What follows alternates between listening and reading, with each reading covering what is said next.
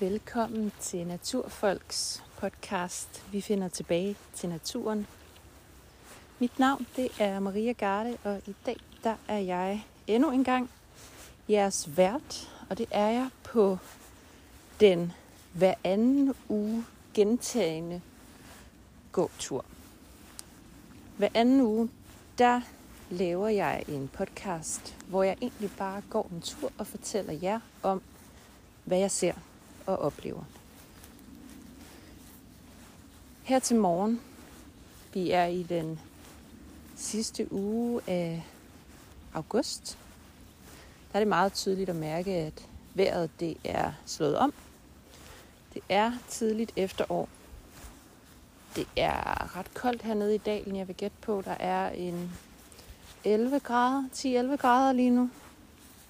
Så jeg har uldsokker på, og jeg har min lette dunjakke på.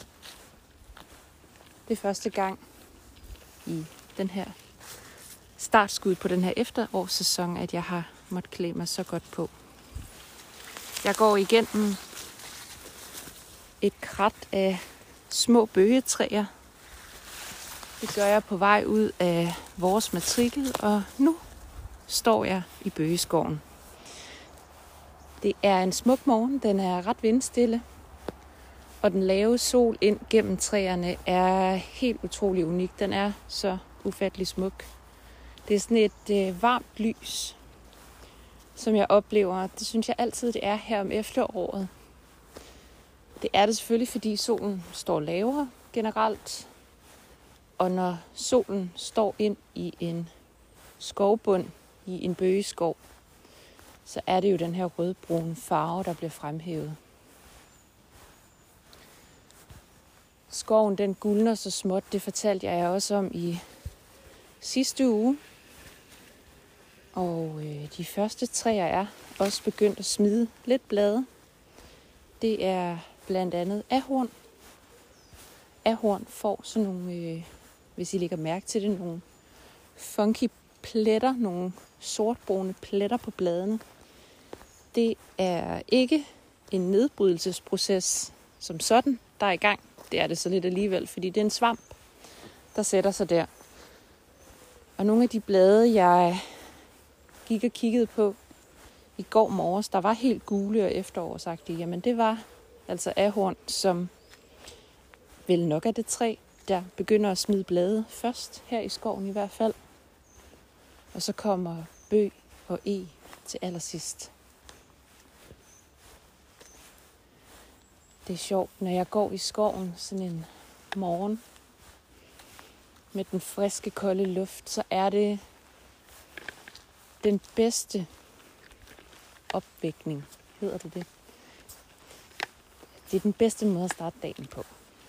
Det er sådan en fantastisk ro på. Den friske luft kan ikke andet end at gøre dig i godt humør, og de oplevelser, naturen giver dig om morgenen, er ret unikke. Skoven føles og lyder og opfører sig på en bestemt måde om morgenen, tror jeg godt. Jeg kan sige ret skråsikkert, nu går jeg her jo hver dag, morgen og aften. Mine morgenture, de er altid mellem 1 og 5 kilometer lange. Det kommer lidt an på, hvad dagen bringer. Det kommer helt klart også an på, om det regner. Men i dag er det klart. Det skal nok blive en smuk dag. Jeg har fri i dag. Jeg holder fri. Og det betyder, at jeg kan tage tingene i mit eget tempo. Og jeg har planer om, at jeg skal ende oppe ved et æbletræ her i skoven, hvor jeg ved, at æblerne de plejer at være modne relativt tidligt. Så jeg tror, det må være tid til, at jeg kan fylde mit lille net. Det er en af glæderne for mig især her i efteråret. Det er at have mit lille sankenet og min kniv med ude, fordi der er bær og vilde æbler, og lige om lidt er der en masse gode svampe også i det her område. Og det er alle favoritterne for mig at få ind i køkkenet. Og det er sådan en, et fint lag at putte oven på sin gåtur. Ikke noget, min hund nødvendigvis synes er super interessant, for det betyder, at man skal stå stille og vente. Men det er for mig en rigtig god måde at komme tæt på naturen. Det er en simpel måde at finde noget sådan helt grundlæggende mening herude, og der er ikke ret meget, der kan gøre mig i bedre humør, end at finde et område med vilde æbler, eller når vi kommer lidt længere hen, traktkantereller. Skoven, eller engen. Næ, der var et par brumbær. Vi står os lige over for, at brumbærene bliver modne her i skoven. Kan jeg lige smage på det her? Lidt surt stadig. Uha. Nå, men jeg var ved at snakke om engen. Den er sådan øh, lidt mælkehvid i dag, og det er på grund af den ret tunge duk, der falder om natten. Og det betyder, at jeg får også sådan en fin aftegning af, hvor de her smukke spindelsvæv, de ligger og hænger grenene. Foran mig lige nu, der smutter en lille bitte hjort. Hen over stien står den og kigger på mig med sine store ører. Det der, det er helt klart en lille fyr eller dame fra sommeren. Det er et rådyr. Det kan jeg se, fordi den har lys bagdel. Hvis det var et dørdyr, så ville der stå 111 med sorte streger på bagdelen. Det her, det var et lille rådyr. Det er altså kun sådan en gave, du får morgen og aften. Og det er selvfølgelig, fordi der har været ro i skoven. Og det har der været nu hele natten, inden vi kommer bulren. Vores hund Happy, han er blevet ret vant til dyrene i skoven, så han bliver selvfølgelig interesseret, når han ser og hører dem, men han mister også enormt hurtigt interessen og accepterer, at de er her jo. Og vi kan se, og vi kan også begynde at høre dem. De er begyndt, og så jeg kalder det at gø om aftenen. Og det har de ikke gjort i et godt stykke tid. Men nu er der lidt kalden igen herude i skoven om aftenen. Det lyder som sådan en meget hæs hund, når der bliver råbt op. Og det var nok den lyd, der i starten af vores tid her i skoven fik mig til at flippe allermest ud, indtil jeg selvfølgelig fandt ud af, hvad det var. Vi er også begyndt at høre natuglen igen. Den har også holdt sin kæft hele sommeren. Hørte den rigtig meget i vinter, så tidligt forår. Så har der selvfølgelig været stille.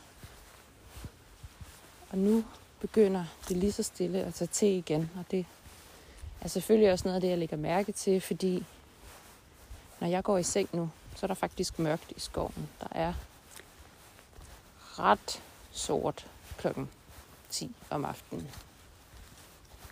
Og det er vildt, hvor hurtigt at dagen aftager.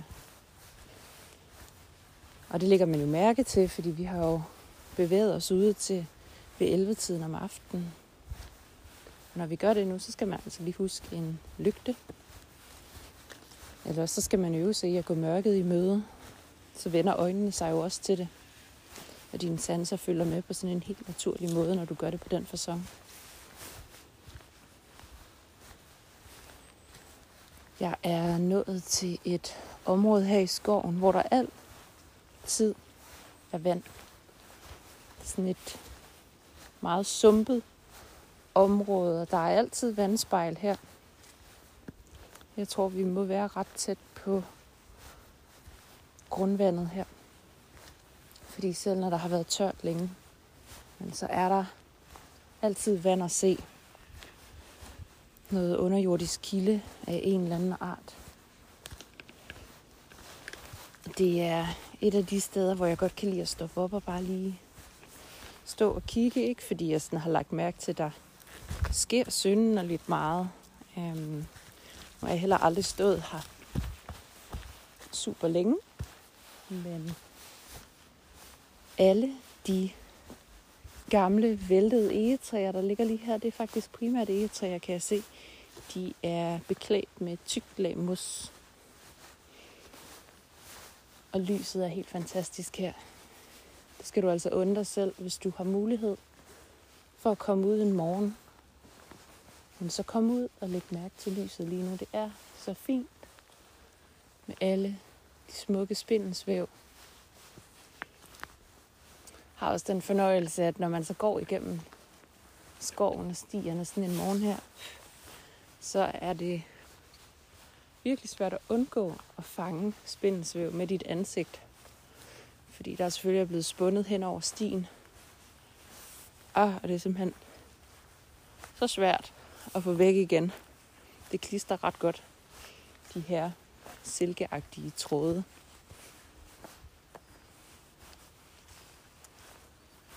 Der er ret stille i skoven den her morgen. Om morgenen, fordi der ofte er vindstille, så kan jeg tit høre, at trafikken den øges langt væk. Altså helt ude på hovedvejen, der er et godt stykke væk, men lyden den arbejder sig faktisk helt herinde i skoven. Det er bare sådan en svag summen, men jeg kan altid høre det. Og det kan jeg ikke på andre tidspunkter af dagen. Det kan jeg heller ikke om aftenen, og det er selvfølgelig, fordi der ikke er så meget trafik på det tidspunkt. Det er morgentrafikken lige nu, som vi kan høre herude på landet, ude i skoven. Der er om morgenen og især om aftenen her i skovbunden også et hav af skovsnegle. Og jeg tror, en femtedel af alle dem, jeg ser, de er hvide. De er, hvis jeg gætter på det, noget albino. Der ikke er noget pigment i sneglene. Det er sådan en hvidlig, slimet klat. Der er ikke meget skønhed over dem, men de er nu stadigvæk ret fascinerende at stå og kigge på. De er jo også en del af hele nedbrydningssystemet. Og der bliver spist godt med blade.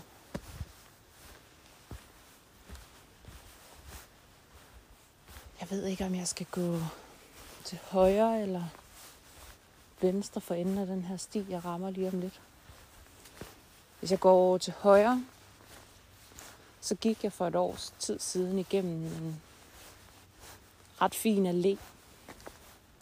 Det var øh, tilplantet skov i det område, og det var graner, og på den måde ikke så ophidsende, men jeg kan godt lide det moslag, der kommer i skovbunden. Jeg synes, det ser meget fint og romantisk ud, selvom det er hugstskov, du går igennem. Men det blev, det blev sgu fældet sidste år, og nu ligger det, jeg ved ikke om man kalder det at ligge brak. Der er ikke sket noget siden, og det ligner bare sådan en sørgelig omgang af et massakreret område. Alt er væk. Alt mos. Stort set alle træer, undtagen to gamle egetræer, der har fået lov til at blive stående. Og det er altid sådan lidt et syn, der for mig gør mig en lille smule frustreret over måden, vi opfatter naturen på, fordi det for mig er et meget tydeligt billede på, at vi mennesker ser alt som en mulighed, som noget, vi kan bruge til et eller andet.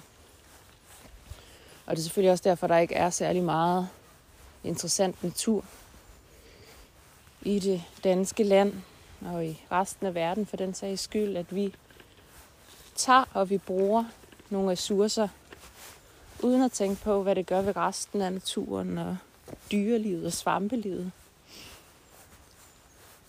Og jeg ved også godt, at vi skal bruge noget træ, og det er en del af et økosystem, og det er ikke nødvendigvis kun til det dårlige, hvis man arbejder med produktionsskov på den rigtige måde. Men jeg bliver altid trist, når jeg ser træer blive fældet. Det er sådan en helt grundlæggende ting, at jeg har nærmest ikke oplevet nogen, der ikke har det på den måde, at det gør dig lidt trist indeni. Og det er selvfølgelig også fordi, at det her træ, det har givetvis stået der længere, end du har eksisteret. Og det kunne stå her i mange flere år, end du har en jordisk chance for at være til stede på den her jord. Der er jo gamle fyretræer i det norske, der har alder på omkring 1000 år. Det er jo helt vildt. Selv i Norge er det ret få steder, at du finder de her urskovslignende områder. I Norge er det også bare et lille frimærke, der er tilbage af reel urskov, eller så har du en lille smule urskovsnær, eller urskovslignende, hedder det, skov tilbage. I Norge, der har man, eller der oplever man konsekvensen af at være kommet lidt for sent i gang med bevaringsarbejdet af de forskellige arter. Det betyder, at der er blevet fældet en masse skov, hvor der også er gået hundredvis af arter tabt. Og heldigvis så er der jo en masse skønne biologer og andre naturentusiaster, der så i dag arbejder hårdt for at få kortlagt et område, for derfor at kunne passe på det.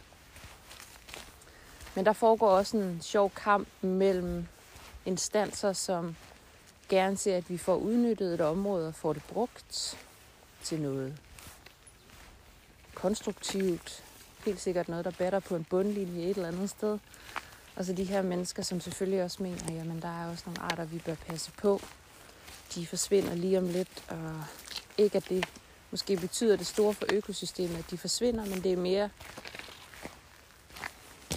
Jamen, det er mere processen om, at, at nu mister vi endnu en art, som fremtidige generationer ikke lærer at kende, og som de ikke vil komme ud og opleve på et naturligt levested. Og hvad gør det for vores forståelse og opfattelse af naturen? Og det er jo en helt anden sag, og også noget, der er sværere at få ned på en bundlinje og forstå. Det er jo nogle af de her langsigtede konsekvenser, som kommer til at have en enorm effekt på, hvordan vi ser og forstår naturen. Fordi den bliver fattigere. Vi befinder os i den 6. masseuddøen lige for tiden, og noget af det er helt sikkert en konsekvens af den måde, mennesket har opført sig på. Og så er der også det faktum, at kloden, naturen, er i nogle cykluser, som vil ske uafhængigt af at mennesket er til stede, men det man ligesom siger i, i den her omgang, det er, at vi ser altså arter uddø omkring 1000 gange hurtigere, end hvad de ville gøre i et såkaldt naturligt tempo. Det er jo en lille smule tankevækkende, synes jeg. Det er ret nemt at komme til at lyde frelst når man går og taler om alle de her ting, men det er bare noget, der optager mig rigtig meget. Det var selvfølgelig også derfor, jeg for et års tid siden startede Naturfolk øh, og startede den her butik, der skulle få flere til at komme ud i naturen og interessere sig for den. Og det kan man jo gøre på mange forskellige måder. Nu valgte jeg at gøre det på den her måde. Det siger jeg heller ikke er bæredygtigt og frelst. Øh, det er svært at være det 100% i sit liv.